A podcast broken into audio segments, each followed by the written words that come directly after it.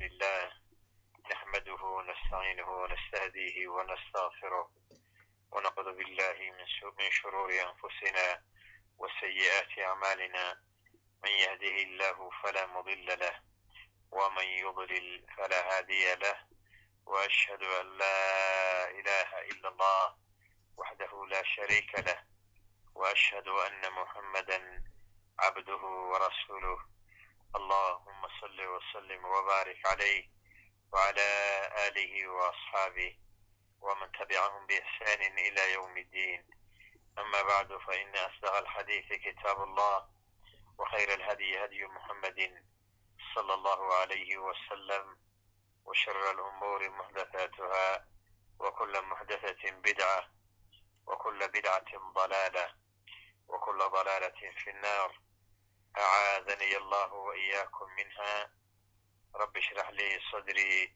ويسر لي أمري واحلل عقدة من لساني يفقه قولي قال الشيخ الإمام الحافظ الحجة أبو عبد الله محمد بن إسماعيل البخاري رحمه الله تعالى في كتابه الجامع الصحيح من كتاب العلم qala baabu fadli lcilmi qaala baabu fadli lcilmi wuxuu u baab yahay cilmiga fadligiisa cilmigu aad buu u fadli badan yahay cilmiga laga hadlayahayna waa cilmiga diinka waa cilmu lkitaabi wasunna kitaabkii alla uu soo dejiyey iyo sunnadii nebigo kitaabka bayaan iyo caddayn iyo tafsiir cilmigooda wey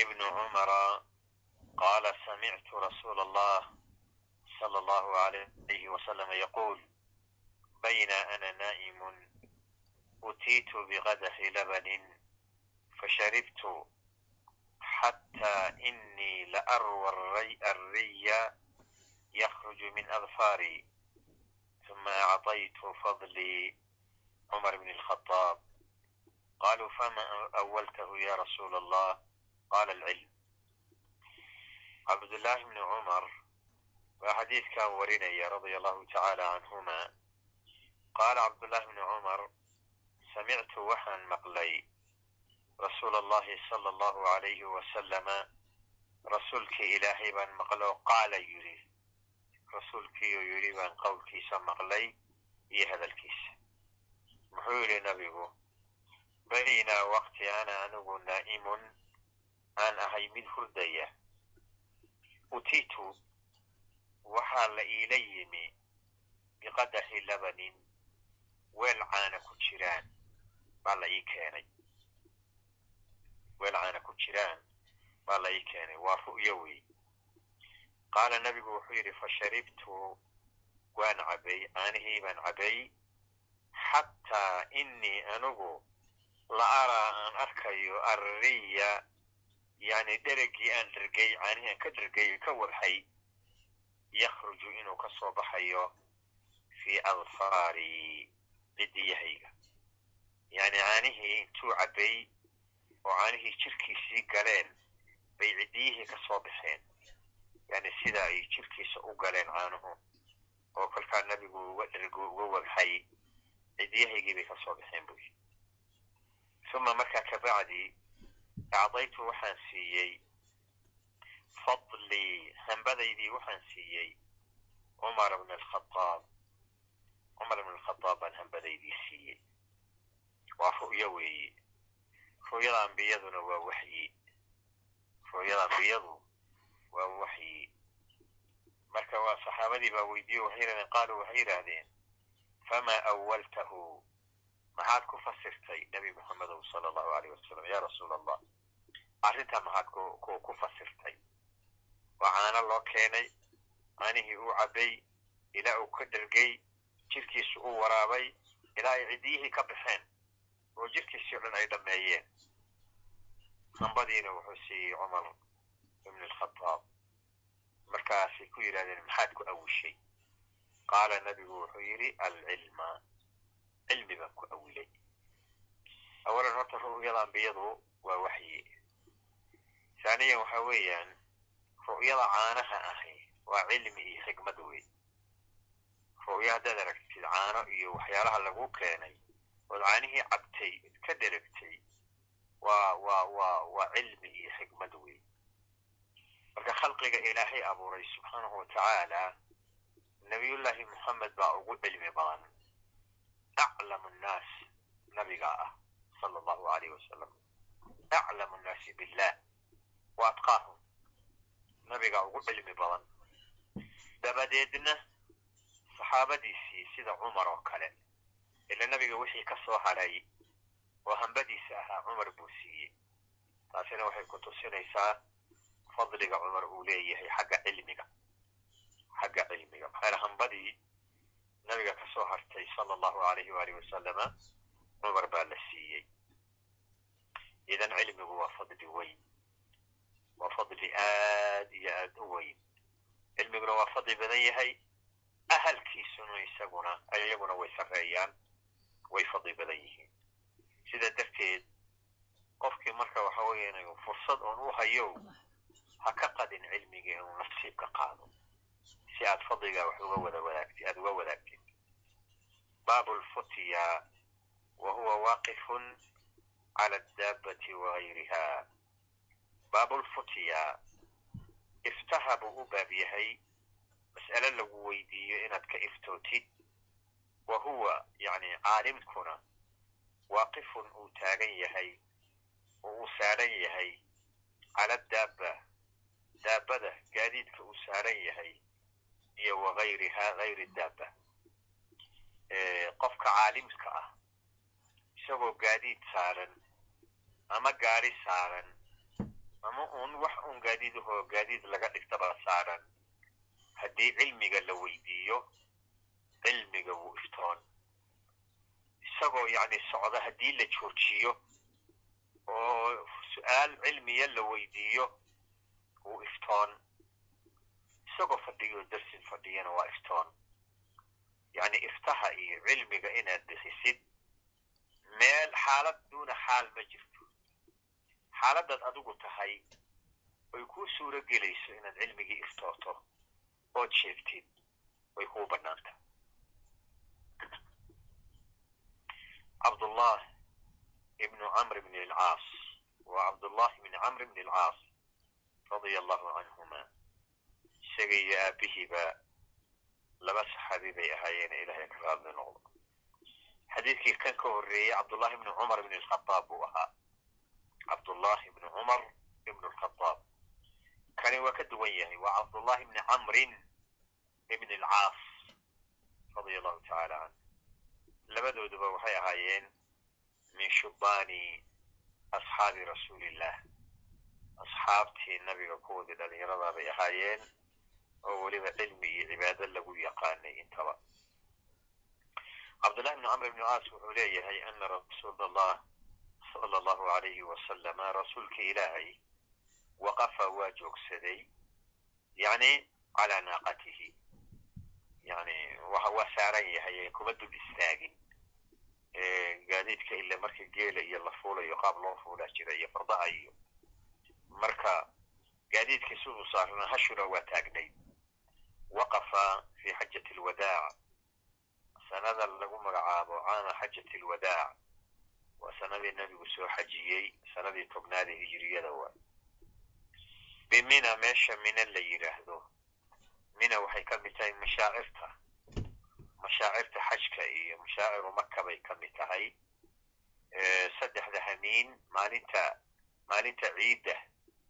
baa la imanayaayo ila jabaraadka la tuuranayo minay ku yaalaan jabaraadka la tuuranaya gaar ahaan jabrat alcaqabati alkubraa ayaa maalintaa la tuuranaya lagu gooni yeelaya hamiinka ko tobnaad waa lagu hoyanayaa hamiinka labiyo tobnaadna waa lagu hoyanayaa hamiinka saddexiyo tobnaadna waa lagu hoyanayaa hoyadkeeda lagu hoydo minana oo la joogo iyaduna waxay ka mid tahay manaasigta weliba waajibaatulxaji bay ka mid tahay maalmaha minada uu hoyanayo maalmaheeda oo maalinta ko iyo tobnaad iyo labiyo tobnaad iyo saddexiyo tobnaadna jabaraadka saddexda ah oo saddexduba mino ku yaalaan ayuu qofku tuuranaya oo dhagax tuurka ku samaynaya dhagax tuurkaasina iyaduna waxay ka mid tahay manaasiku lxaji xajka manaasigtiisa bay ka mid tahay weliba waajibaat lxaji bay ka mid tahay marka nebigu maalintan minuu joogay maalintii ciidayna ahayd oo jabrat alcaqabati alkubraa la tuuranayay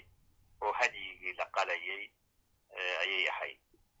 Marka wuxuu leeyahay cabdullahi bni camar nebigu isagoo gaadiidkii sii saaran fii xajati alwadaac meesha minana la joogo yas'aluunahu nebigay wax weydiiyeen. Su'aalaad badan oo xajka ku saabsan yaa nebiga la weydiiyey.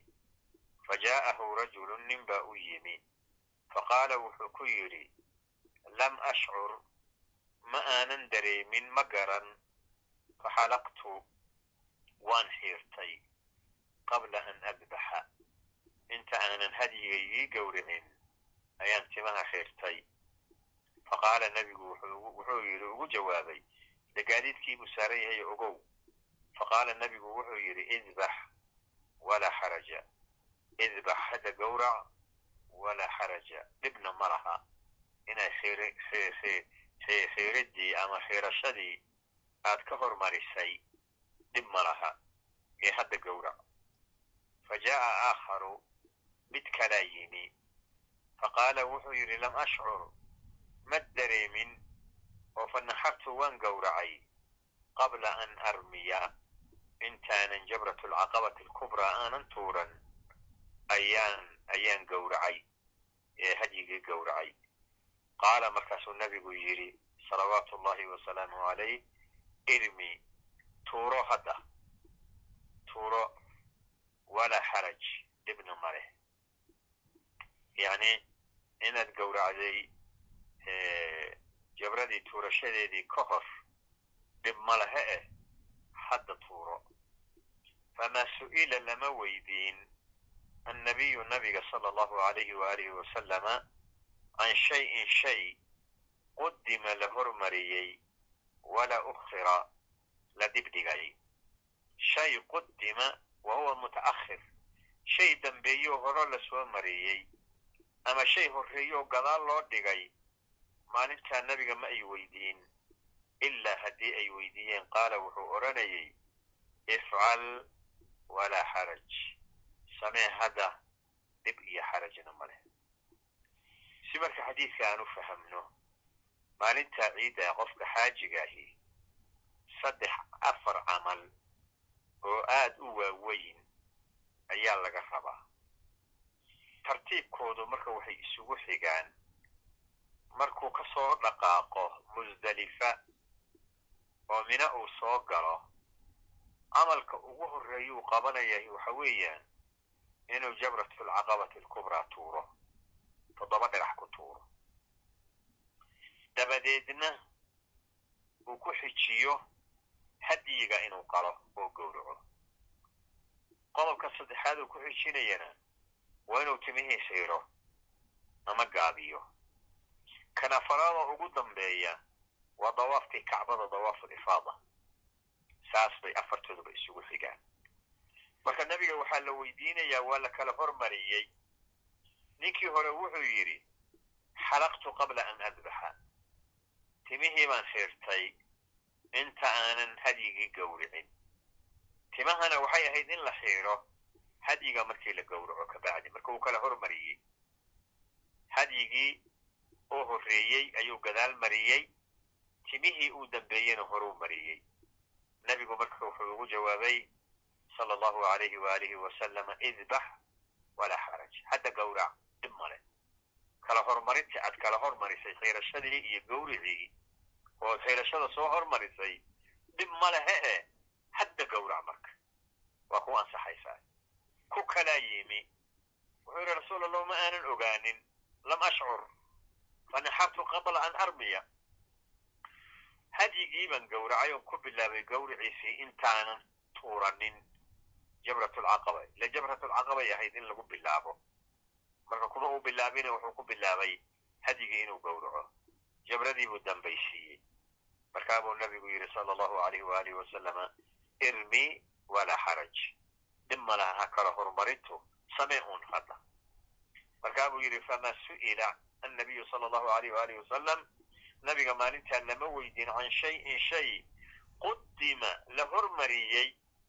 Oo meeshuu joogay waa shay ka horreeyey laga hormariyey wala ukhira ama dib loo dhigay oo shay uu ka horreeyey dib looga sii dhigay. Ilaa qaala wuxuu odhanayay ifcal walaa xaraj samee wax dhiba maleh amaashaas marka haddii la kala hormariyo maalintaas laa xaraj laa xaraja insha allahu tacaala. Siduu nebiguba u yidhi wax dhiba ma laha. Marka fawaa'idan xadiiska ka faa'iidaysanay ka sokow baabku waxa weeyaan baab lfutya wahuwa waaqifun cala daabati wagayriha caalimkiiyo daabad saaran ama gaadiid saaran ama taagan ama socdeen la joojiyey haddii su'aal iyo fatwo la weydiiyo wuu iftoon. Lama odrhanayo maya waa inaan fadhiistaa.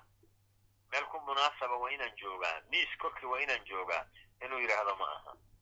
Cilmigii waa loo baahan yahay xaaladaas la weydiiyey baa dadku ugu baahan yihiin waa in la iftoodaa oo la gudbiyaa. Baabu man ajaaba alfutya biishaarati lyadi waalra'si baabu man buu u baab yahay ajaaba ku jawaabay alfutya iftihii ku jawaabay biishaarati lyadi gacanta ishaaradeeda iyo waalra'si madaxa ishaaradiisa. Muu hadlayo gacanta ayuu ku jawaabi ishaarada ile waxbaa lagu fahmaa. Ishaarada waxbaa lagu fahmaa. Ama madaxa ayuu ku jawaabi uu sidaa uu u gundhino maaragtay uu yani nacam oo kale markuu rabo inuu sheego. Ama maya oo kale inuu yidhaahdo ishaarada waa lagu fahmi karaa. Ishaarada waxbaa lagu fahmaa. Marka muftigii su'aasha la weydiiyey ayaa wuxuu ku iftoonayaa ishaaro hadal la'aan hadal la'aan.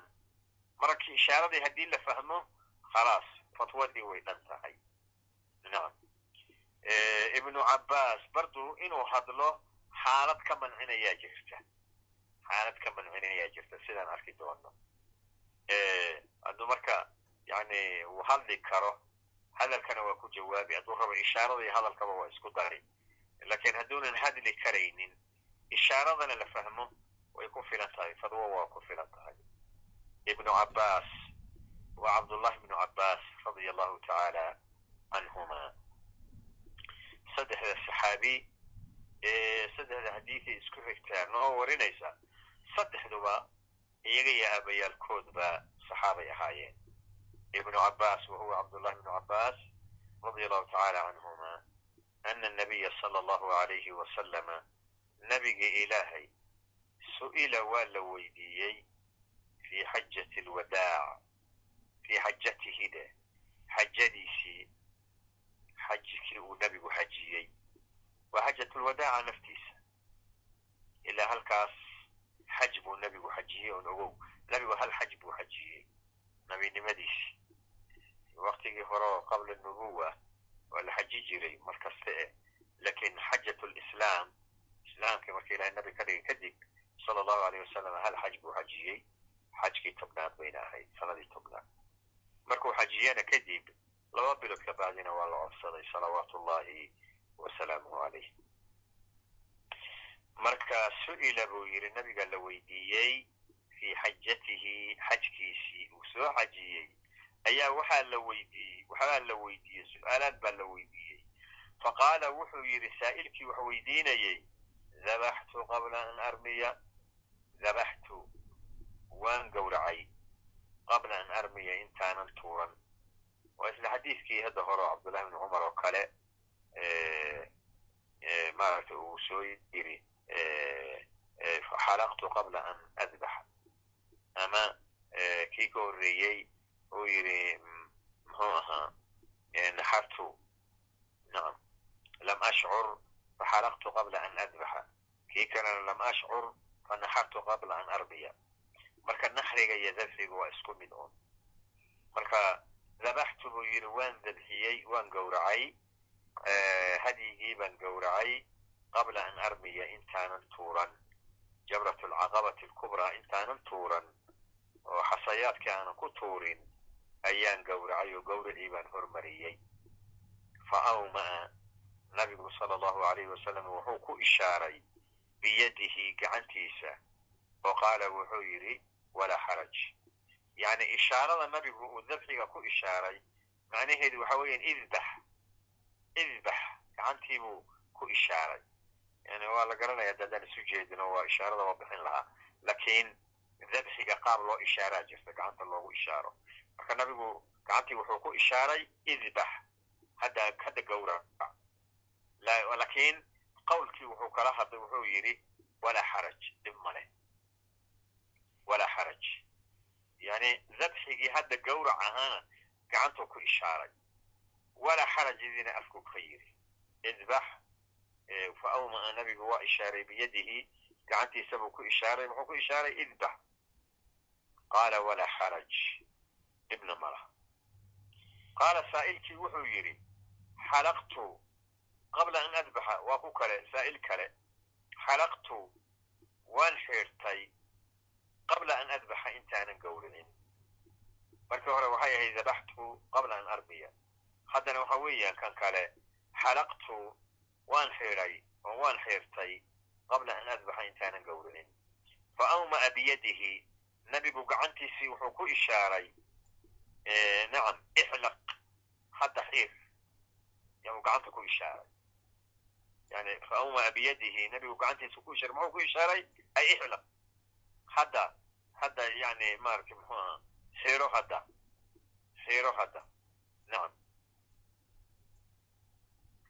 walaa xaraj walaa xarajtiina carabkuu nabigu ka yiri marka idbax hadda gawrac iyo hadda xiiro labadaba nabigu gacanta ku ishaaray marka waa ishaare ay fahmeen inuu nebigu u jeedo hadda xiro ama hadda gawrac laakiin laa xarajadii wuxuu ku sheegay carabka buu ku sheegay sala allahu alayh waalih wasalam yani xadiiska marka waxaan ka fahamnay iftaha ishaaro in lagu gudan karo oo qofku hadduu fahmo ay ku filan tahay.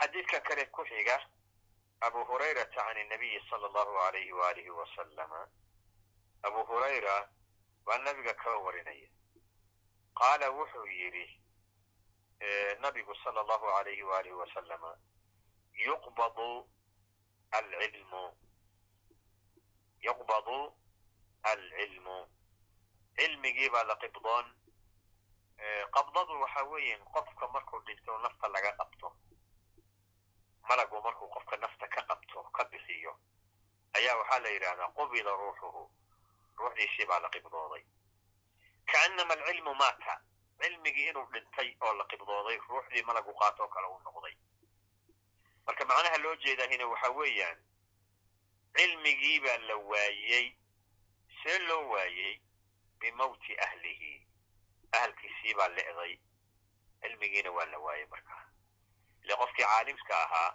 hadduu adduunyadan ka tago cilmigiisii waa la dhiman cid kala harta oo ka dhaxashay haddii la waayo cilmigiisiina la waa isagii baa la waayey cilmigiisuna waa raacay. Marka aakhiru zamaanka sidaa inay dhici doonto oo cilmigu la qibdoon doono oo la weyn doono baa nabigu sheegay sala allahu alayh waalih wasalam yuqbadu alcilmu cilmiga baa la qibdoon oo la weyn waa bidahaabi ahlihi bimawti ahlihi ba ayaa lagu weyn wa yadharu aljahlu jahliguna waa daahiri mar haddii cilmigii la waayey jahli baa bedelay marka meesha waxa culumo ah oo cilmigii yaqaanaba lama arko wax juhalaahan waxba islaamin unbaa meesha ku haray marka waa meel balaaya degtay marka haddiiba wax cilmigiiba la waayo meesha dhib badan baa yaalla wayadharu aljahlu waalfitanu fitantiina waa waa daahirigi iyaduna fitantu waa macaasida waa dunuubta iyo macaasida weeye fitantu iyo diin la'aanta mar haddii cilmi la waayey laa shakka inay fitna dhacayso oo macaasidu badanayso oo diin la'aantu badanayso oo yani ilaa macaasidu heer kufri ay gaadho nacam wayakhuru alharju waxaa badanaya iyadana dhimashada iyo islaynta la islaynayo xarbiga iyo laynta dadka la laynayaa badanaya. Ila cilmiga awal wax kala celi jiray oo qofka cilmiga lihi dhiiggani waa kaa xaaraan buu yaqaani. Laakiin qof dhiiggani waa kaa xaaraan aan aqoon baa imanaya. Oon dhiigguba qaymaba lalahaynba amaba mararka qaarkoodba ayba la tahayba inuu sidaan sameeyaahi inayba dadnimo iyo raganimo tahay. Wayaktharu alharju harjiga iyo qatliga iyo laynta dadka la laynayo ayaa badanaya qiila waxaa la yidhi yaa rasuul allah rasuul allow wama alharju harjigu muxuu yahay? Kelimatu lharji ayay garan waayeen. Marka tafsiir bay u baahdeen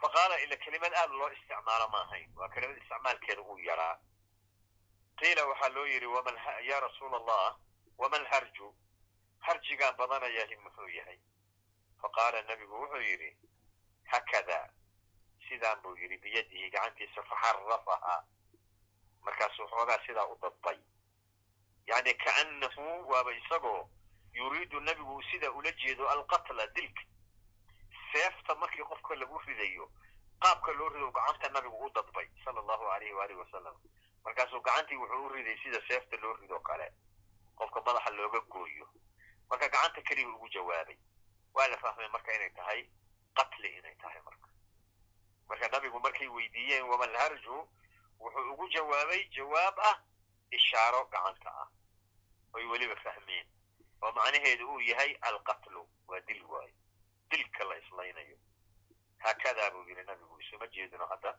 Lakin haddaan isu jeedi lahayn waa istusi lahayn. Fa qaala nabigu wuxuu yidhi haakadaa sidaan weeye biyadihi gacantiisa. Faxarafahaa wuu yar dadbay. Yani seefta siday u dhacdoo kale buu u riday. Kaannahu waaba isagoo nabigu yuriidu doonaya alqatla. Dilka dil buu ku ishaaraya. Harjigu waa kaas. Idan marka xadiidkan waxaan ka faa'iidaysanay jawaabta futiyada iyo iyo iyo fatwada in ishaaro lagu gudan karo. Laakiin wuxuu xadiidku faa'iido kale noo faa'iideeyey cilmiga maantana dhex yaalla oo weli wax nooga dhaqan yihiin. Culummadiina aan wax ka haysanno heer waxaa la gaari doonaa la weyn doono. Heer waxaa la gaari doonaa jahligu badanayo oo dadku ayna waxba islaamin heer waxaa la gaari doonaa fidnadu ay badanayso. Macaasidii iyo dunuubtii iyo kabaa'irtii iyo kufri xataa la gaaro. Ilaa xataa qatliga la dilo qof ilaahay dhiiggiisii uu uu xurmeeyey. Qatliga la dilaahi. Waa ismi waa dembi waa min alkabaa'ir waa fitna. Diinkii laga fidnoobo caqiidadii fasaado camalkii fasaado fitankaas baa iman doona nacuudu billahi min alfitan nacuudu billahi min alfitan ma dahara minha wama batan marka ilaahay baan ka magan gelaynaaye waxaase runtii nala gudboon intay goori goor tahay oo cilmigiina joogo culummadiina wax ka dambeeyaan inaanu wax kala harno aad bay noogu haboontoo nala gudboon tahay oo wixii aan dayacnay aanu hadda iyo wixii ka dambeeya inaanu jafjafanno oonu dadaalno. Nacam. Asmaa wa hiya asmaa binti abi bakrin asidiiq radia allahu tacaala canha asmaa binti abi bakrin asidiiq radia allahu tacaala canha ayib iyada. Iyo zawjkeedii iyo wiilkeedii iyo walaalaheed iyo aabbaheed iyo awowgeed kulluhum saxaabiyuun aslamuu usratu abi bakrin oo usra aad iyo aad u khayr badan ayay ahayd. Marka waa asmaa binti abi bakrin asidiiq qaalad waxay tidhi ataytu waan imi caaishata caaishaan imi wa hiya caaishana tusallii ay tukanayso faqultu waxaan idhi maa sha'nu nnaas dadka sha'nigoodu muxuu yahay maxaa ku dhacay dadka fa ashaarat waxay ishaartay caaisha ila asamaa samaday farta ku taagtay fa ida annaasu qiyaam dadkiina way taagan yihiinoo salaad bay u taagan yihiin. Fa qaalad waxayna tiri caaisha markay fartii kor u taagtay subxaana allah ilaahay baa hufan. Qultu waxaan idhi bay tidhi aayatun aayad miya. Fa ashaarat way ishaartay. Bira'sihaa madaxeeda waxay ku ishaartay ay nacam haa waa aayad. Faqumtu waan istaagay.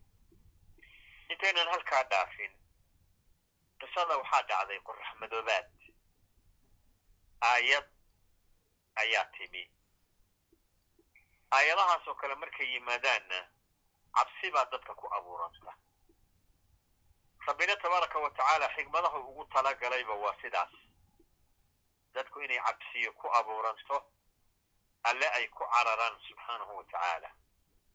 Sababto ay tahay dadka intooda badani dabeeco waxaa u ah inay uun had iyo jeeraalo arki jireen qoraxdoo iftiinta oo bari ka soo baxda galbeedna u dhacda. Habeenkoo yimaada. Marka caadada noocaasay ka caado yeesheen ayaa waxay waxay waxay ku qabatimeen. Adduunyaduba inay sidaan iska ahaan doonto inay waxba iska bedeli doonin. Rabbina wuxuu rabaa inuu ku baraarujiyo inay muddo iyo xad leedahay oy dhammaan doonto isbeddel badanina uu dhici doono. Isbeddelka uu dhacayo oo qiyaamadu markay dhacaysana ay arrin aad waxyaalo waaweyn ayaa dhacaya. Marka waxaa lagu sii tusinayaa waxay dhici doona. Qiyaamadu markay dhacayso saas baa qoraxda u madoobaan oo nuurkii laga qaadi oo cirkaa dildillaaci oo dhulkaa waxa ku jiro dhan soo tufi oo buurahaa baabi'i waxyaala waaweyn baa dhici doona.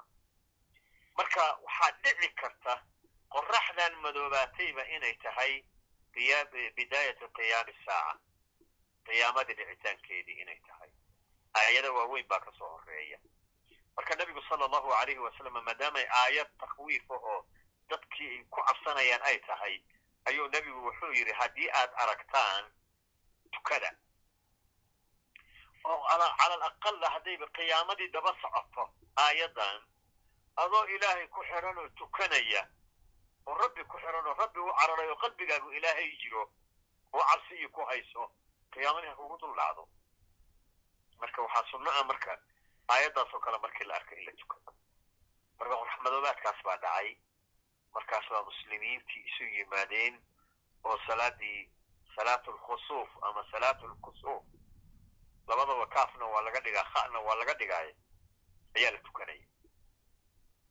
masaajidkii baa la soo buuxiyey marka waxaa jira naxdin iyo argagax baa jira. Asmaa marka way timi caaishay u timi kuma ay baraarugin qoraxda kuma ay baraarugsanayn laakiin dadkiiyo salaad u taagan oo naxsan iyo jawigoo bedelan bay aragtay. Markaasay caaisha u soo gashay oo qolkeedii iyo xujradeedii ugu soo gashay. Xujrada caaishana masaajidkay u furnayd oo jambal masjid ay ahayd caaisha salaaday ku jirtaa dadkii bay salaada kula jirtaa asmaa markay caaisha u soo gashay ayay caaisha la hadasho waxay ku tiri markay soo gashay ayay waxay ku tiri maa sha'nu nnaas dadka sha'nigoodu waa maxay naxdinta iyo cadfadashii jirta iyo dadka salaada u taagan waktigana wakti salaad farad ma ahayn wakti salaad farado la tukado ma ahayn wixii bay ka naxday. Markaasay caaisho salaaddii ku jirta la hadasho waxay ku tiri maa sha'nu nnaas dadka sha'nigoodu waa maxay? Caaisha salaad bay ku jirtaa maadaamay salaad ku jirto ma hadli karto. Marka gacanti fartay kor u taagtay. Fa ashaarat ila asamaa samaday ishaartay. Dadkiina way u asmaa. Salaaday bay ku jiraan. Fa ida annaasu qiyaam. Dadkii baa taagan. Naxdin baa jirta. Waa waxa waxaa ka keenay su'aasha markaasi waxay ku dartay haddana subxaana allah subxaana allah qofku marka uu salaada ku jiro oo qof la hadlo waa inuu dareensiiya inuu salaad ku jiro. Marka subxaana allah waxay rabtaa inay ku dareensiiso inay salaad ku jirto. Subxaana allahina salaada ma buriso waa dikri. Subxaana allah unbay tiri marka. Asmaa way fahamtay marka. Ujeeddada caaisha way fahamtay. Markaasay haddana su'aal kale weydiiso waxay ku tiri aaya aayad miya ma aayad ba? Waxaad iisha ilamay arag qur'aanka kumay baraarugin. Caaisha mar labaad bay u jawaabtay oo madaxa ugu jawaabtay marka. Yani fa ashaarat bira'siha ay nacam. Madaxay waxay tiri nacam ha bay ku tiri. Qofku markuu nacam leeyahay madaxuu hoos u dhigaa. Sidaas bay ugu jawaabtay marka. Marka marna ishaaray ugu jawaabtay ishaarat bilyadi bay ugu jawaabtay marna ishaarat bira'si bay ugu jawaabtay. Masalada baabkuna waxay ahayd man ajaaba alfutya biishaarati alyadi waalra'si gacanta iyo madaxa inuu qofku ku jawaabo. Asmaa marka salaadii bay wax ka gashay iyaduna. Qaalad waxay tihi asmaa faqumtu waan istaagay aniguna. Yani salaadii bay wax ka gashay. Salaadda marka waa la dheereeyaa. Waa la dheereeyaa. Waa salaad qaab gooniya leh waxay leedahay ragcaddiiba laba rukuucood iyo laba qira'a ay leedahay. Marka qiraa'o kasta ay labada qiraa'ood suurat lbaqara iyo suurat alcimraan baa lagu akrinaya waa dheerta salaad aad u dheer wey salaadii marka dheereed iyo naxdintii ay naxday ayay waxay leedahay xataa tajallaanii alghashyu. Waxay tiri waan dawakmay waan dawakmay bay tiri yani way wareertay waa dawakantay laakiin miyirku kama tegin fajacaltu waxaan bilaaba bay tiri asubu calaya asubu calaa ra'si ilmaa inaan madaxa biyo ku shubayo salaadii bay ku jirtaa biyihii bay madaxa ku shubaysaa faxamid allaha salaadii nabigu marka wuu dhameeyey sala allahu alayhi waalihi wasalam yani istaagii dheeraa iyo naxdintii iyo dee waxaa dhici karta qurada haba madoobaatee wakti un waxay ahayd kulayl jiro oo qoraxeed ah iyo qoraxdii wixii bay ku kululaatay. Marka way dawakantay nabigu marka waxay tiri salaadii dhameeyey faxamid allaha alluu mahadiyey wuu khud khudb buu akriyey nabigu. Khud buu akriyey khudbadiisii marka wuxuu ku bilowday xamd allah buu ku bilowday. Faxamad allaha caza wajal alluu mahadiyey annabiyu sala allahu alayhi wasalama nabigii ilaahay alluu mahadiyey wa asnaa calayhi waana ammaanay uma qaala wuxuu yidhi wuxuu ka hadlay marka nabigu aayado badan oo intii salaada uu ku jiray uu arkay. Ma min shayin shay ma jiro. Lam akun aanan ahayn. Uriituhu kii la itusiiyey. Ilaa hadduu jiro ra'aytuhu waan arkay fii maqaami haada fii maqaami joogaygaan aan taagnaa oo salaada uu taagnaa baa la tusay aljannatu wannaar jannadii iyo naartiina waan arko waa la tusiyey nabiga sala allahu alayhi waalihi wasalam aayado badan baa la tusiyey ama can ariiqi ru'ya ama can ariiq oo waxa weeyaan oo oo ru'ya la'aan oo toosaba ha u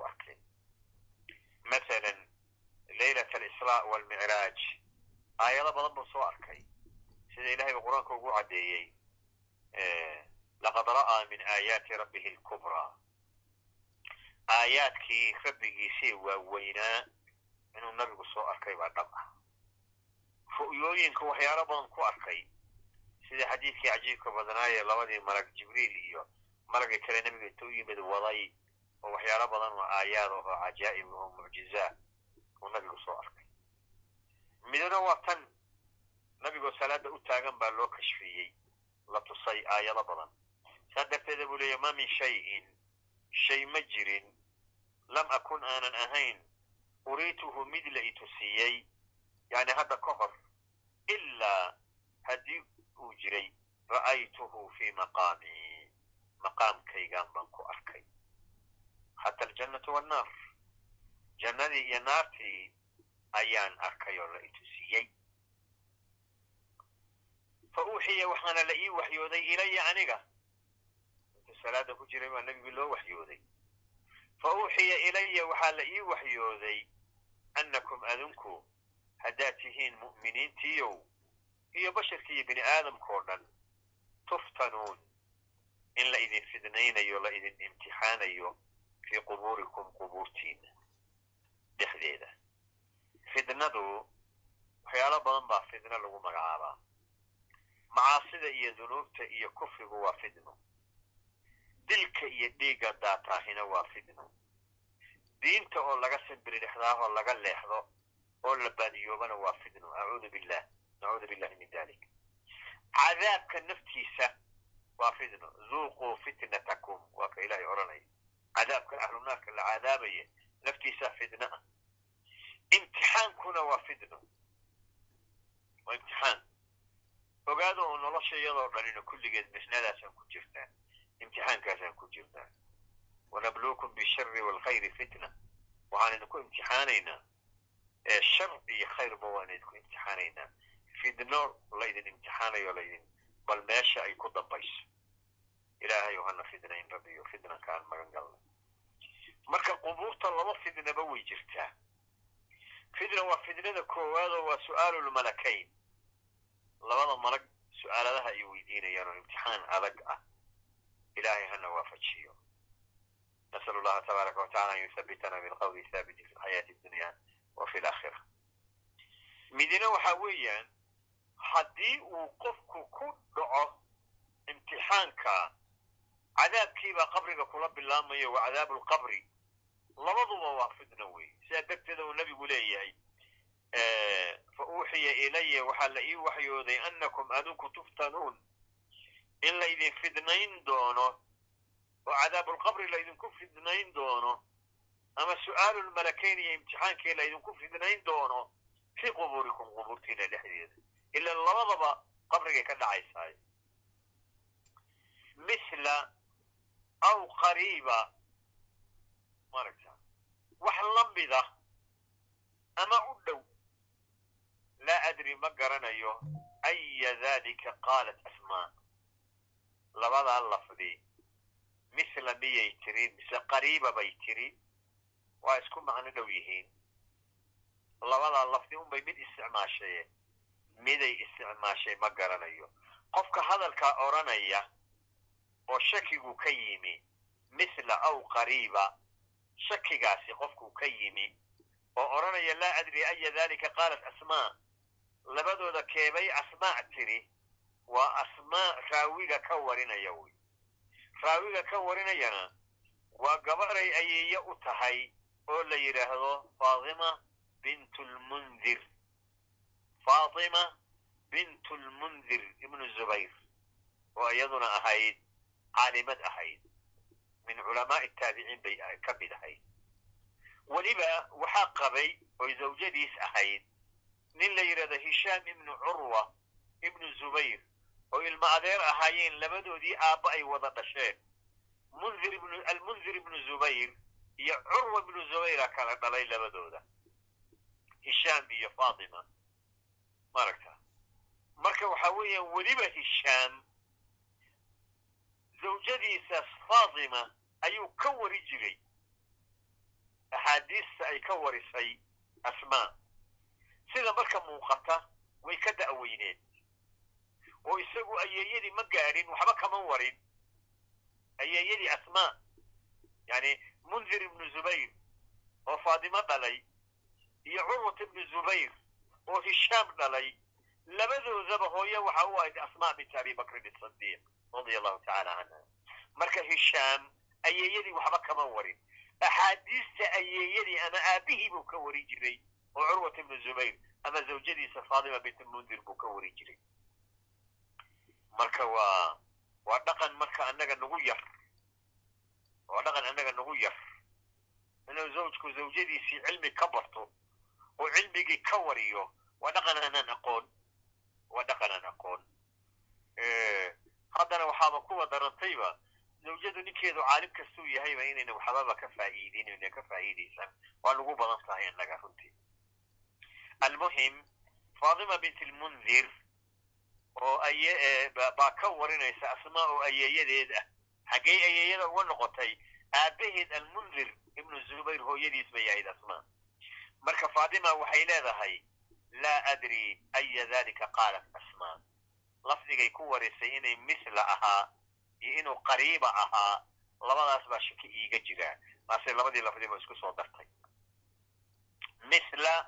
aw qariiba min fitnati lmasiixi dajaal saasaa xadiisku isugu xiran yahay jumladan laa adri oo hadalkii asmaa ah ayaa soo dhex gashay maragta misla aw qariiba min fitnati lmasiixi dajaal almasiixu dajaal fitnadiisa wax u dhow ama lamida dajaal muxuu yahay waa fitno badan yahay nabiguna wuxuu ku tilmaamay sharu ghaa'ibin shar maqan oo la sugo wey weliba shar oo dhan buu ugu shar badan yahay muxuu yahay waa bashar bini aadam ah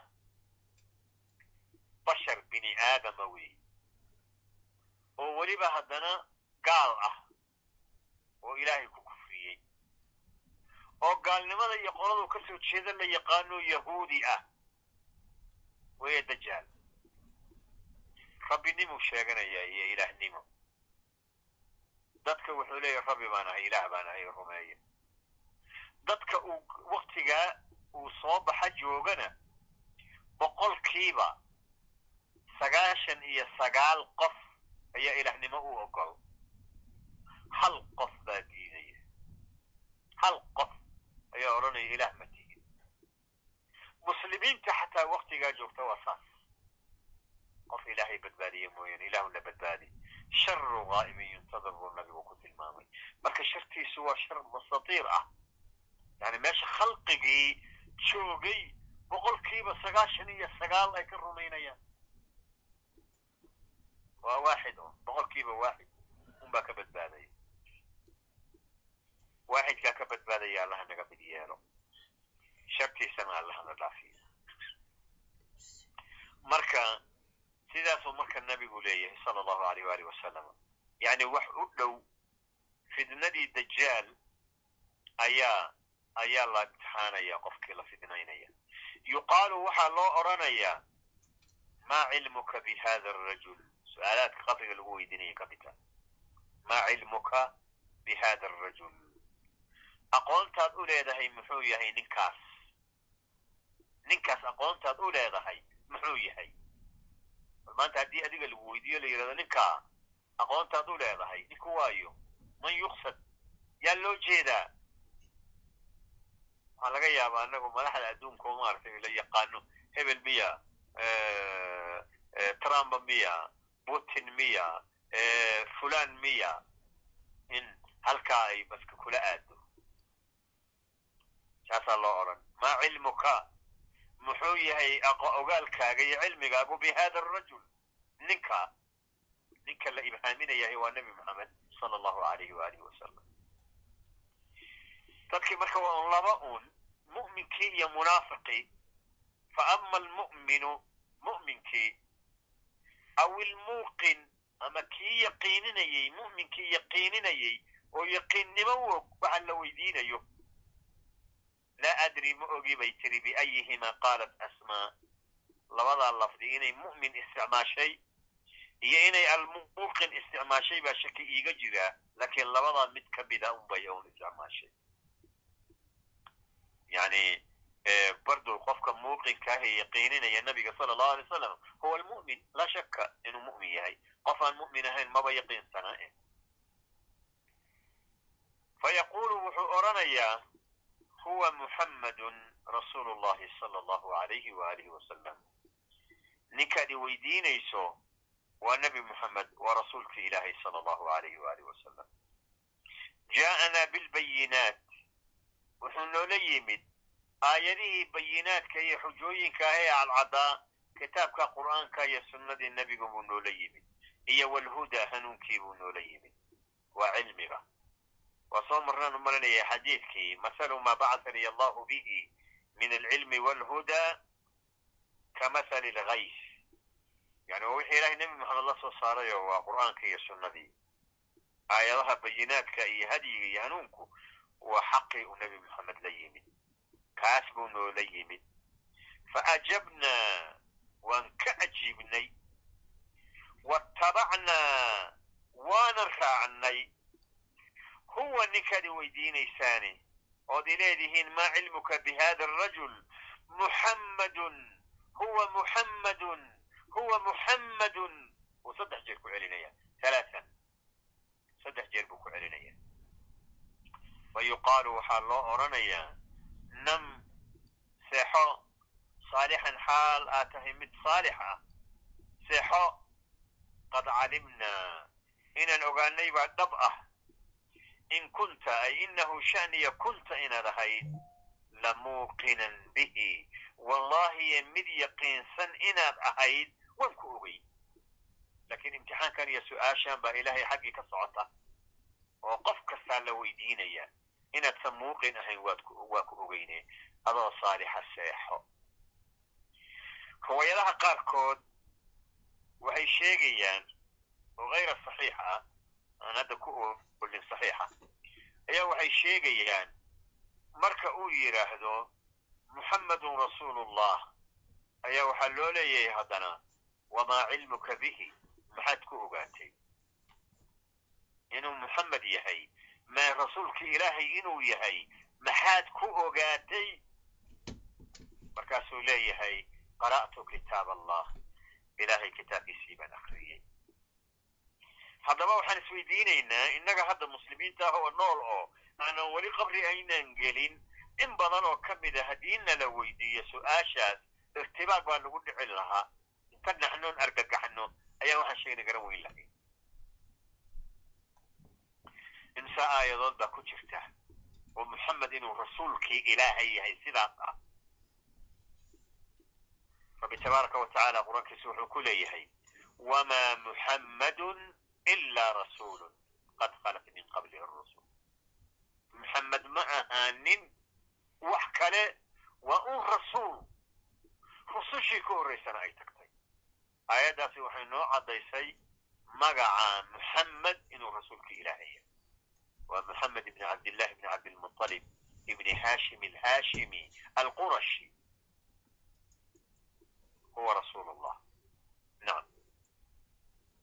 aayad kale fi suurati alaxzaab ma kana muxamadu aba axadi min rijaalikum walakin rasuul allah zayd ibnu xarisa ayaa waxaa loogu yeeri jiray zayd ibnu muxamed oo nabiga aabba looga dhigay markaabaa qur'aanku soo degay ma kana muxamadu aba axadi min rijaalikum muxamed ma ahaanin aabba uma ahaanin raggiinna qof ka mida nabiga sala allahu alayhi wasalam ubadkiisii ilmihiisii iyagoon weli raganimo gaadhin oo sagiira bay wada dhinteen.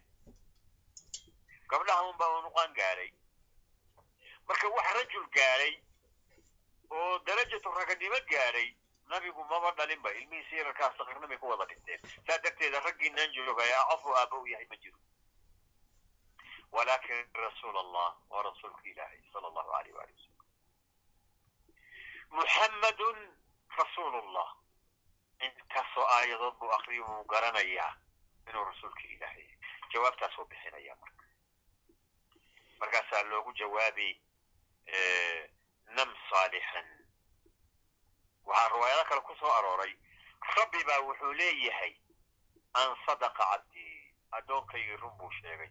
Imtixaankii ilaahay xaggii baa laga saxaya an sadaqa cabdii addoonkaygu run buu sheegay. Maaragta afrishuuhu min aljanna waalbisuuhu min aljanna waftaxuu lahu baaban ila aljanna. Jannada uga gogla jannada uga labisa u waasiciya qabriga albaabna jannada uga fura markaas waa jannadii udugeedii iyo nicawdeedii iyo wanaaggeedii baa halkaa uga soo afuufmaya. Markuu arko marka karaamada u dambaysa ayuu leeyahay allahuma aqim isaaca allahuma aqim isaaca ilaahu qiyaamadu ay dhacdo ilaahu ay qiyaamadu dhacdo. Si uu jannada u galo kayma arjica ila ahli? Ahalkiisa fi ljanna si ugu laabta u rabaa. Allahuma ajcalna min haulaa wa ama almunaafiq laakiin munaafiqa munaafiq waxaa la yidhahdaa uurka waa ka gaal afkana waa ka muslim afka muslim uurkana gaal buu ka yahay laa ilaha illa allah muxamedun rasuulullah waa leeyahay shacaa'irtii islaamka waa ka muuqanee laakiin qalbiga kama rumaysna alle daahirkiisan annagu waa u isaga unbaan xukunkiisa ku dhisaynay muslim buu noo yahay dhiiggiisuna waa naga xaaraan waa xurmaysan yahay maalkiisuna waa naga xaaraan laakiin qalbigiisa waxa ku jira ilahay baa kala xisaabtamaya waliajli dalika nabigu leeyahay sala allahu alayhi waalih wasalama umirtu eh, an uqatila annaasa xataa yaquluu laa ilaha ila eh, allah waanii rasuulu llah wayuqimu salaata wayu'tu zakaa وإذا فعلوا ذلك عصموا مني دماءهم وأموالهم وحسابهم على الله حسابته لا جبتها لكن هدو لا إله إلا الله محمد رسول الله ويراهدو شعائرتي إسلام كانوا لي ماله صلاة دي الزكاة دي هو بحيه وأنهم مسلم qofku wixii uu leeyahay muslim kaabaa lagu leeyahay uu leeyahay xuquuquhu leeyahay wixii lagu lahaana waa lagu leeyahay ama xisaabtiisa dambe alla alla alla garanay marka yani qalbigii waa ka waa ka munaafiqo waa ka gaal afkiina waa ka muslim adduunyada way anfici laakiin aakhira anfici mayso waa kaa imtixaankii ugu horreeya ku dhici doonaa wa ama almunaafiqu munaafiqa aw ilmurtaabu midkii shakiyayey oo nabiga nebinimadiisa ka shakiyayey salawaatu ullahi wasalaamuhu calayh qaalat faatima laa adri ma garanayo biayihimaa qaalat asmaa ma garanayo laa adri ma garanayo aya dalika qaalat asmaa midka ay tiri asmaa ma garanayo. Almunaafiq miyay tiri mise almurtaabay tiri? Labada un baa mid bay tiriye qaalad waxay tiri fa yaqulu wuxuu odhanayaa munaafiqii uu ku jawaabayaa laa adri ma garanayo. Ninkaadi weydiiseen waxba anigu kama garanayo ila su'aasha la weydiiyaa waxay tahay oo lagu la weydiiyey maa cilmuka bi hada arajul ogaalka iyo aqoonta aad ninkaa u leedahay muxuu yahay? Wuxuu ku jawaabayaa laa adri maba garanayaba samictu nnaasa dadkoo waxalah baan maqlay yaquuluuna odhanayaan shay-an shay faqultuhu ana waan iri shayga marka uu sheegayo lababa waa noqon kartaa dadkoo laa ilaaha ila allah muxammadun rasuulullah baan maqlay waan iska iri. Waxaa loola jeedana ma garanayn. Wuxuu yahayna ma garanayn muxamed rasuulullahi ba ma hayru rasuulillah ma kala garanayn maana garanayn. Dadkoo waraan maqla waan iska iri aniguna waa noqon kartaa waxay kale noqon kartaa macnaheedu inay tahay dadkoona rasuul maahanaan maqlay anna waan iska waa iska ictiqaadiyey. Rasuul maaha ilaahay ma soo dirin sida mushrikiintu dhihi jireen oo kale ama yuhuuddu dhihi jireen oo kale. Rasuul maaha ilaahay rasuulba maba soo dirin ma mararka qaarkood la leeyahy marka dadkoona aan maqlay inay run tahay inay been tahay ma aanan kala ogeyn waa iska iri. Sida yidhahdana iska ictiqaaday labadaba waa noqon kartaa. Samictu shayan yaquluuna samictu annaasa yaquluuna shayan faqultuhu dadkoo wax labaan maqlay waan iska raacay dameeru dhaan raacday meeshii soomaalidu ka dhigi jireen dad badan oo annaga naga mid ahaa runtii saas noqon kara waxbaan iska maqalnay dadka wax sheeg sheegayaan maqalnay wax samaynayaan aragnay ihtimaam ma aynaan samayn xaqiiqadeeda ma aynaan baarin cilmi uma lihin taa waa in qofka muslimka ay ka baxa diinkiisa waa inuu cilmi leeyahay waa inuu yaqiin u og yahay. Kelimadan shahaadat an laa ilaha ila allah wa ana muxamadan rasuulullah waa kelimad weyn waa kelimad culus waa kelimadan ilaahay adduunyadanba u dhisay waa kelimad aniga ilaahay noo abuuray. Inay si sahlan kuu marto oodan macaanideeda aqoonin waxaa loola jeedo aadan aqoonin waxay kugu waajibayso aadan aqoonin kugu waajibinayso waxa ay kaa reebayso aadan garanaynin waa kaafilnimo meeshii ugu dambaysay marka aanu bal dib noloshayadii aanu bal dib ugu noqonno xaggeen ka joognaa diinkan fahamkiisa iyo aqoontiisa iyo waxa nala ka rabo oo rabbi naga rabo oo diinkuna amrayo iyo waxaa naloo diidayo rabbi nala nacay maxay la eg yihiin maxaan garanayna inaan ogaana waa lagama maarmaan. Waa lagama maarmaan. Haddii kale ceebtaan baa naga hor iman doonta ilaahay baan ka magan gelaynaa fadeexo ilahay korkiisaan ku fadeexo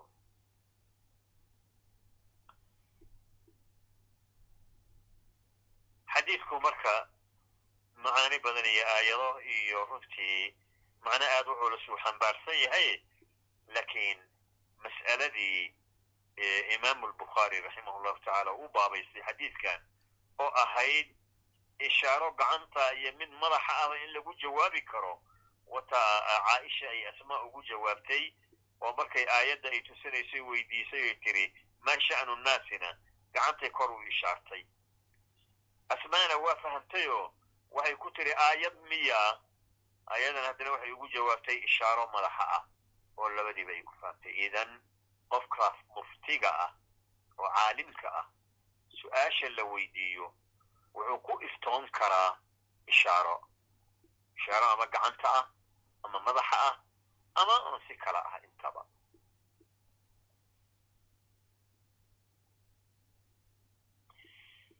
Okay xadiidkan kalena waa dheer yahay. Waktiguna marka waxaan u malayn doonaa.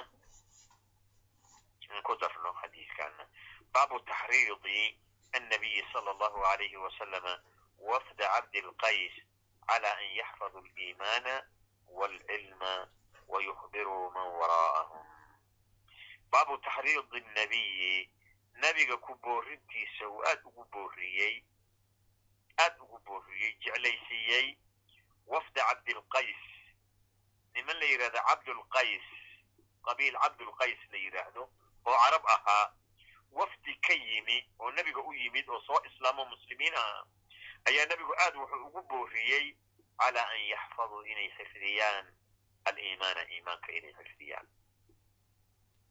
Waalcilma iyo cilmigaba. Cilmiga barashadiisu iimaanku ka mid yahay.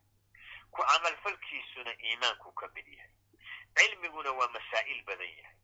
Mas'alo kastood cilmigeeda baratood ku dhaqantood camal gelisaba iimaan baa kuu ziyaadaya marka nabigu sala allahu aleyh wasalam maadaamay u yimaadeen ay soo islaameen nebigu waa tacliimiyey waxabuu baray wixii uu baray oo cilmiga ahaa iyo iimaankiiba inay xifdiyaan oo ay ku dhaqmaan ayaguna ku camal falaan ay ku dhaqmaan wa yukhbiruu inay u sheegaan man waraa'ahum dadka ka dambeeya. Qabiilkay ka yimaadeen inay u geeyaan iyaguna wahaakada qofka mu'minkaana saasaa looga baahanya iimaanka markuu rumeeyo iimaankii barto oo uu rumeeyo ku camal falo isaga keligii uuna isku koobin uuna meel la fadhiisanine ummaddii yaa u baahane ummadda u baahan hadba cidda dadka ugu dhow ha u sheego oo ha baro in laga qaato iyo in laga diido midna mas'uul kama aha laakiin mas'uul wuxuu ka yahay wixii uu soo bartay inuu ummadda gaarsiiyo wa qaala malik ibnu lxuwayris malik ibnu lxuwayris nin la yidhaahdahi wuxuu yidhi qaala lana nabiyu sala allahu alayhi wa alihi wasalam malik ibnu xuwayriskaani wuxuu ka mid ahaa wafdiga nebiga u yimi wa qaala malik ibnu lxuwayris wafdiguna ka mid yahaye qaala lana nabiyu sala allahu alayhi wasalama maya wafdi kale u ahaa wafdigan kama mid ahayn. Wafdi kale buu ahaa. Malik ibnu lxuwayris yani iyagoo dhalinyaro ah oo shabaab ah oo islegla eg ayay nebiga u yimaadeen soona islaameen. Qisadan marka yani waa ka duwan yahay. Way soo islaameen nebigay muddo la joogeen. Marka waana noo iman doonaa xadiidkiisu marka wuxuu yidhi ahalkayagii baan ayaa hilow baa noo markan ayuu ayaa noo qabtay muddo markay marka nebiga la joogeen ayaa nebigu marka ayagii weydiiyey wuu dareemay nebigu xaaladoodii. Markaasuu na weydiiyey yaan ka soo tagnay. Markaan u sheegnayna ayuu nabigu marka fasaxay oo diray waana la dardaarmay. Qaala lana nabiyu sala allahu alayhi waalihi wasalama nebigiiba wuxuu noo yidhi irjicuu laabta ilaa ahliikum ahalkiinnii u laabta ahalkiinnii u laabta facallimuuhum waxbara diinkii bara waxaad barateen bara waxaad barateen bara waa soo gaabiyey haddii xadiidku isagoo kaamil ah buu noo iman doonaa insha allahu tacaala marka wafdigaas marka nabigu sala allahu alay wasalam wixii ay barteen oo cilmi ahaa ama iimaan ahaana inay ku camal falaan markay laabtaanna ahalkoodii ay baraan waa hadda noo iman doonaa xadiidkii wafdi cabdilqays xadiidkan marka shucba ibn alxajaaj can abi jamra abu jamra maaragta ninka abu jamra la yidhaahdo ayuu ka warinaya. Qaala wuxuu yidhi abu jamra hadduu yahay kuntu waxaan ahaa utarjimu kii u tarjuma bayna bni cabbaas wa bayna annaas. Cabdullaahi ibni cabbaas iyo dadkan u kala tarjumi jiray cabdullaahi ibni cabbaas wuxuu joogay ciraaq. Magaalada basre la yidhahdo madax ka ahaa. Waktigii caliy ibni abi aalib ayuu madax ka ahaa. Cabdullahi ibni cabbaasna waa garanaysaan cilmigiisa ciraaqna waxaa laga qabsaday waktigii saxaabada waxaa laga qabsaday nimankii la dhihi jiray faris. Dad badan oo marka farisiyiin ah oo luqada fariska yaqaana oon carabiga aqoonin ayaa deganaa oo dadkii soo islaamay ahaa. Marka abu jamrana wuxuu yaqaanay luqada farisiga.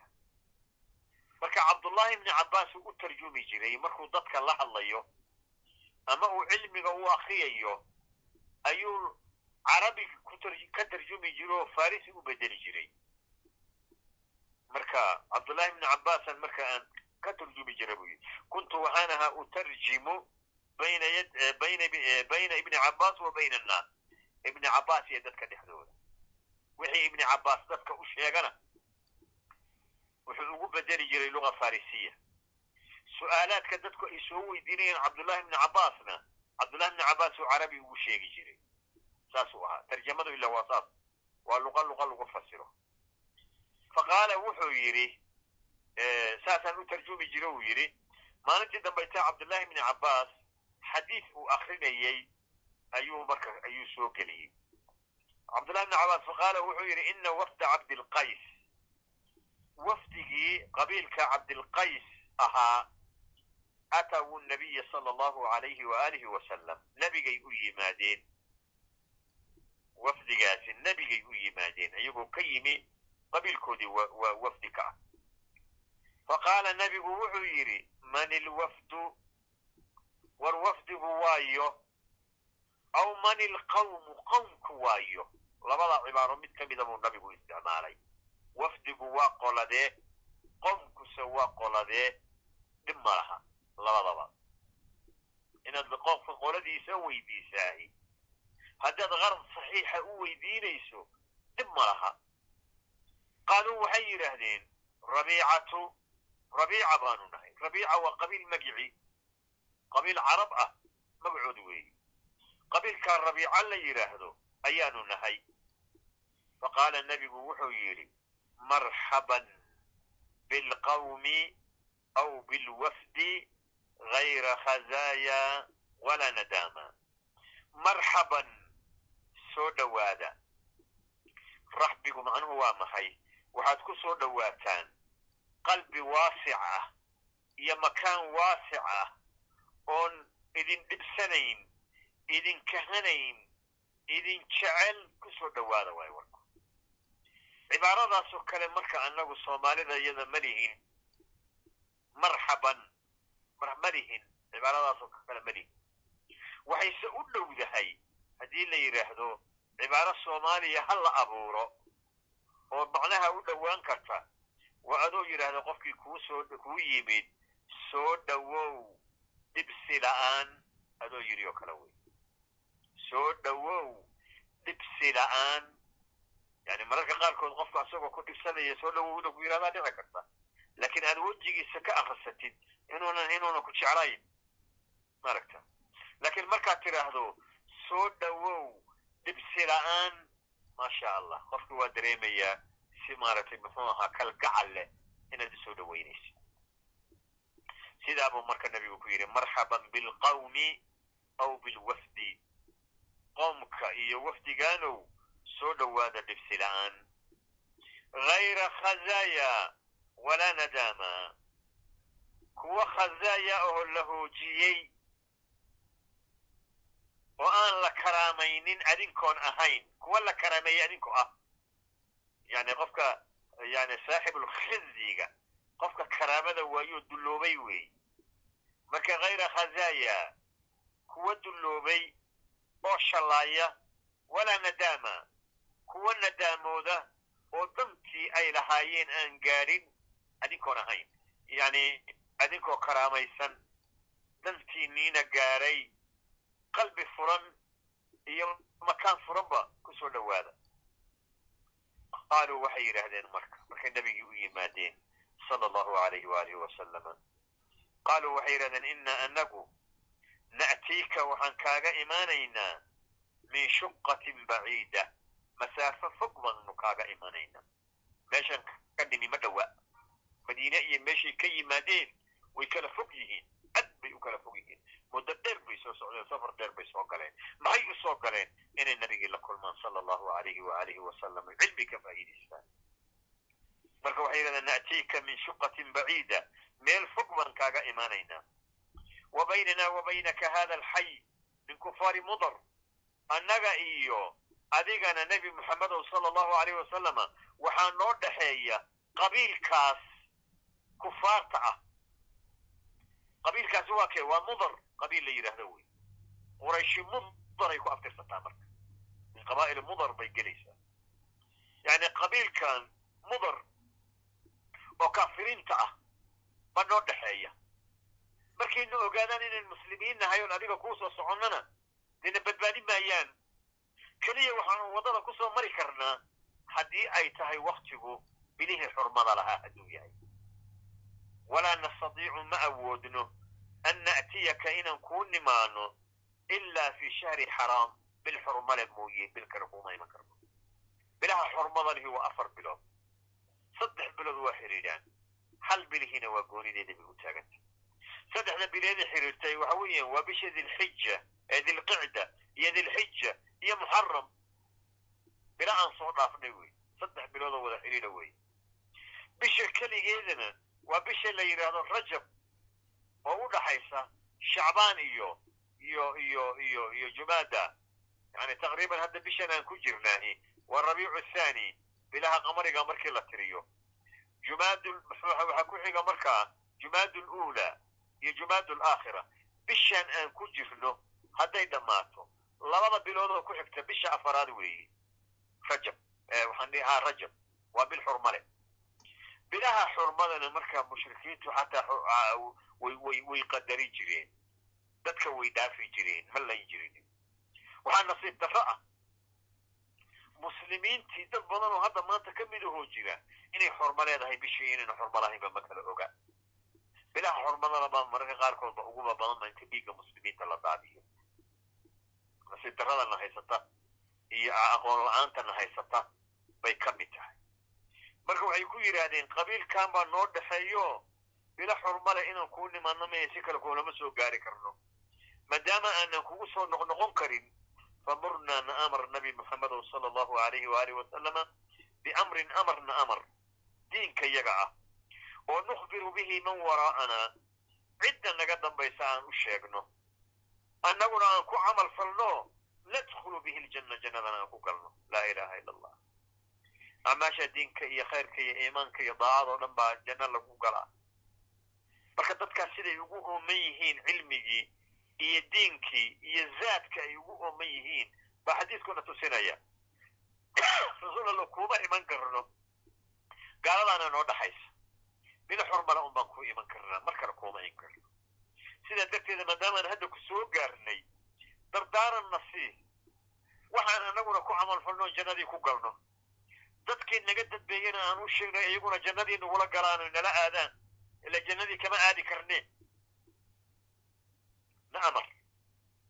Fa amarahum nabigii wuxuu amray sala allahu alayhi wasalama biarbacin afar wa nahaahum wuxuu ka nahiyey can arbacin afarna waa ka waa ka nahiyey sideed amar oo afarna ay amar tahay afarna ay nahyi tahay ayuu nabigu siiyey sala allahu alayhi waalihi wasalam wax badan jug kuma siin ila qofka waxaa la rabaa diinka tadaruj cilmigu waa tadaruj hal mar diinka dhan aan wada xambaaraya ma taasi ma dhacayso tadaruj mas'ala mas'ala mas'alatayn ثلاثة مسائل أربع مسائل خمسة مسائل وهكذا siday u kala ahmiyad badan yihiin tadarujkaas marka nabiga afar buu amray afarna waa ka reebay amarahum biliimaani billahi caza wajalla wuxuu amray iimaankii buu amray iimaankii ayuu amray iimaanku waa mas'ale muhim ah oo qofka waxbaba laga aqbali maayo hadduunan iimaan jirin aliimaanu billah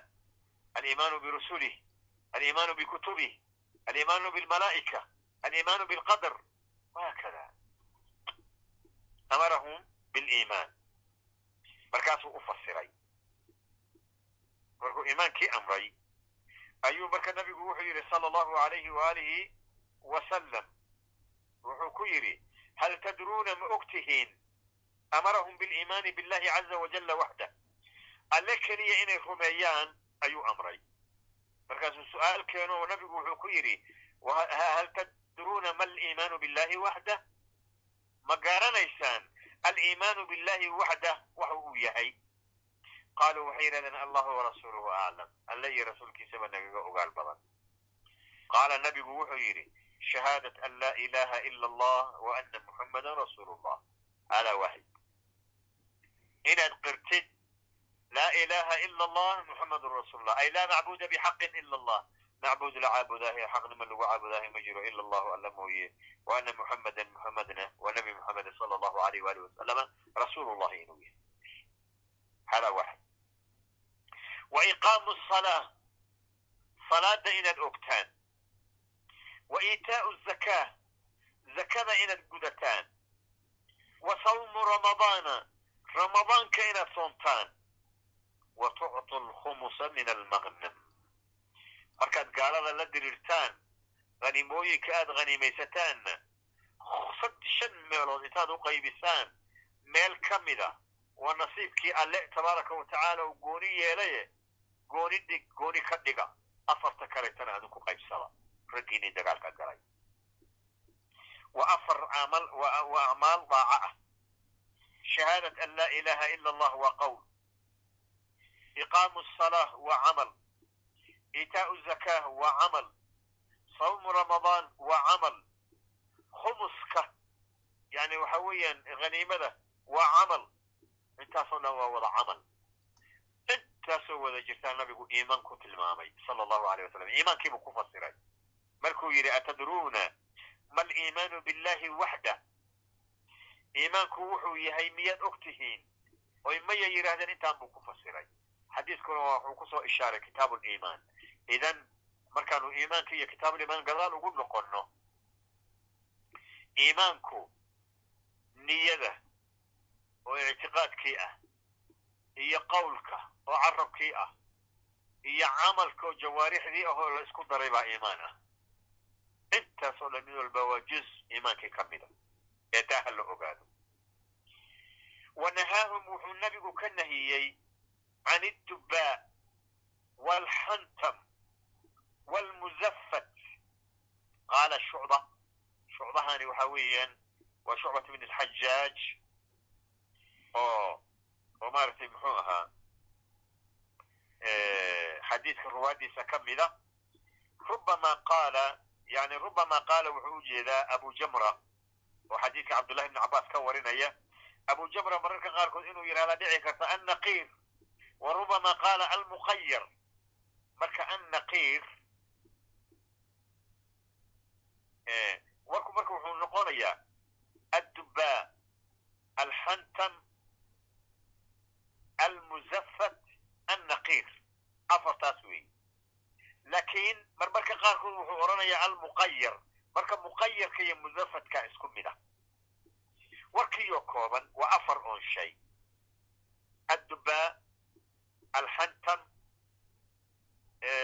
almuzafat ama almuqayar almuzafat aw almuqayar kala bedel isku mid ay noqonayaan iyo annaqiir afartaas waa muzafatka iyo muqayarka isku mid afar weeye marka waxaan marka la nahiyey waa weelal weelal la isticmaali jiroo nebigu isticmaalkooda u diiday sala allahu alayhi waalihi wasalam addubbaa baalkan bocorka la yidhahdo nooc ka mid a weel laga sameeyey waayo bocorkaa la qallajinayaa qofkiisan karin uu kore uu adag yahay dhexda hoosaa laga bixinayaa weel buu noqonayaa marka wax lagu shubto.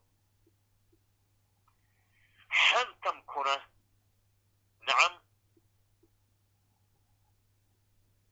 xantamkuna waa weel laga sameeyey muxuu ahaa dhoobo laga sameeyey sida deriga ama aashuunkoo kale aashuumadii biyaha lagu shuban jiray oo dhoobada iyo dheriga laga sameeyo wey musafadku ama muqayarku waa weel dhoobadaas ka samaysanoo haddana la sii dharoobay oo ama shamiito ama waxyaalo kale la mariyey si uuna u jabin.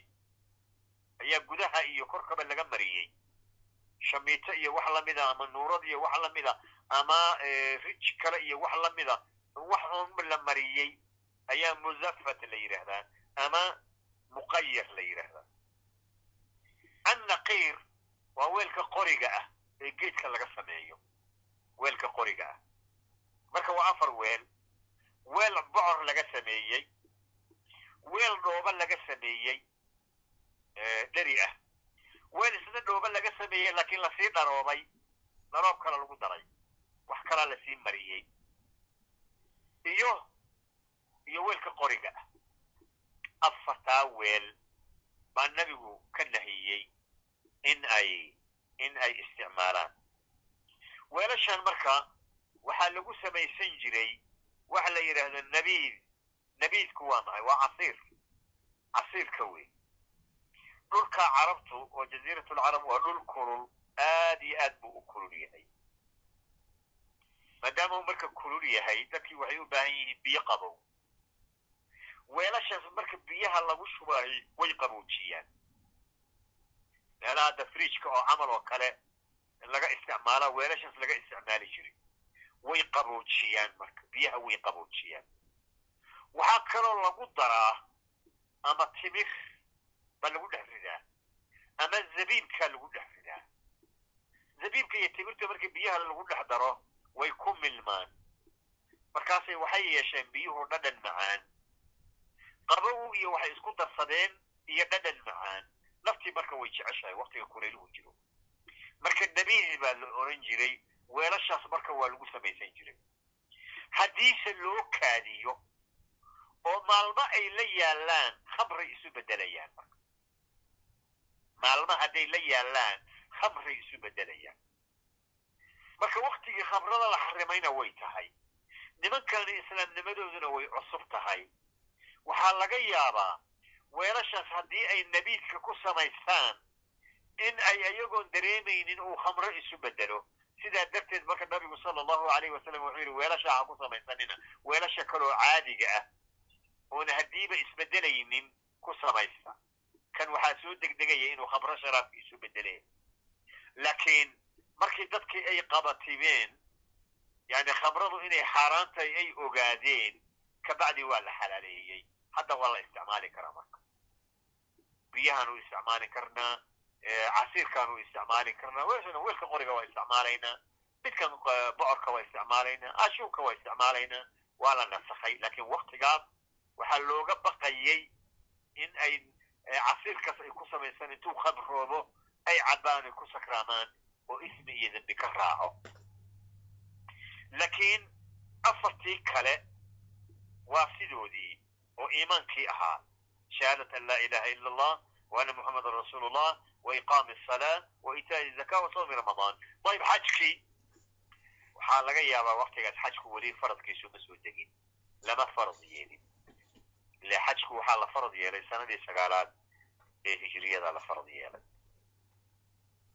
Idan marka baabka masaladii ahayd nabigu sala allahu alayhi wasalam inuu baray wafdi cabdilqays inay iimaanka xifdiyaan iyo cilmiga iyaguna ku camal falaan dadkana ay u sheegaan markay iyagu arrintaa ay weydiisteen nabigu wuxuu ugu jawaabay waa ka amarahum biarbac wa nahaahum can arbac waa umuurihii ay xifdinayeen oo cilmigii iyo iimaankii ahaa si ay ugu amal falaan ayib su'aal yar marka wafdi cabdilqays waxay sheegeen inay meel fog ka yimaadeen weliba aynan ammaan ahayn dariiqo oo qabiil mushrikiinah ay waddada u fadhiyaan inta oo mashaqo ah oo dhib ah waxay u taxamuleen oy ugu adkaysteen cilmigu inuu soo gaadho oy cilmigii wax ka helaan baahidii u haysay cilmiga annaga waa noo haysaa laakiin dareenka ayaa kala duwan sidaa darteed waa ku celcelinayaaye mar kastoo aan darsi kasta waxbaan ka faa'iidaysanaynaye inaanu dareenno baahi badan inaan cilmiga u qabno sidaa darteed hadda ilaahay waa noo sahlay. Annagoo guryahayagii fafadhina ama shaqadayada haysana ayaa laga yaabaa inaad cilmigii halkaa kala socon kartid ood ka baran kartid. Ha laga faa'iidaysto. Inay sii socon doonto fursadaani lama oga wallahu aclam. Marka culummadiina hadda way joogaan. Oo meel kasta cilmigoodii iyo tawjiihaadkoodii iyo iftahoodii baa ka wada buuxa qolku wakti kasta waa iska mashquul. Cilmi unbaataa ka socda. Ha laga faa'iidaysto. Wax uun ha lagala haro. Nasal allaha tabaaraka wa tacala an yajcalana miman yastamicuuna alqawla faytabicuuna axsana waakhiru dacwana an alxamdu lilahi rabi alcaalamiin wasubxaanaka allahuma wabixamdik ashhadu an laa ilaha ila anta astaqfiruka waatuubu ilayk.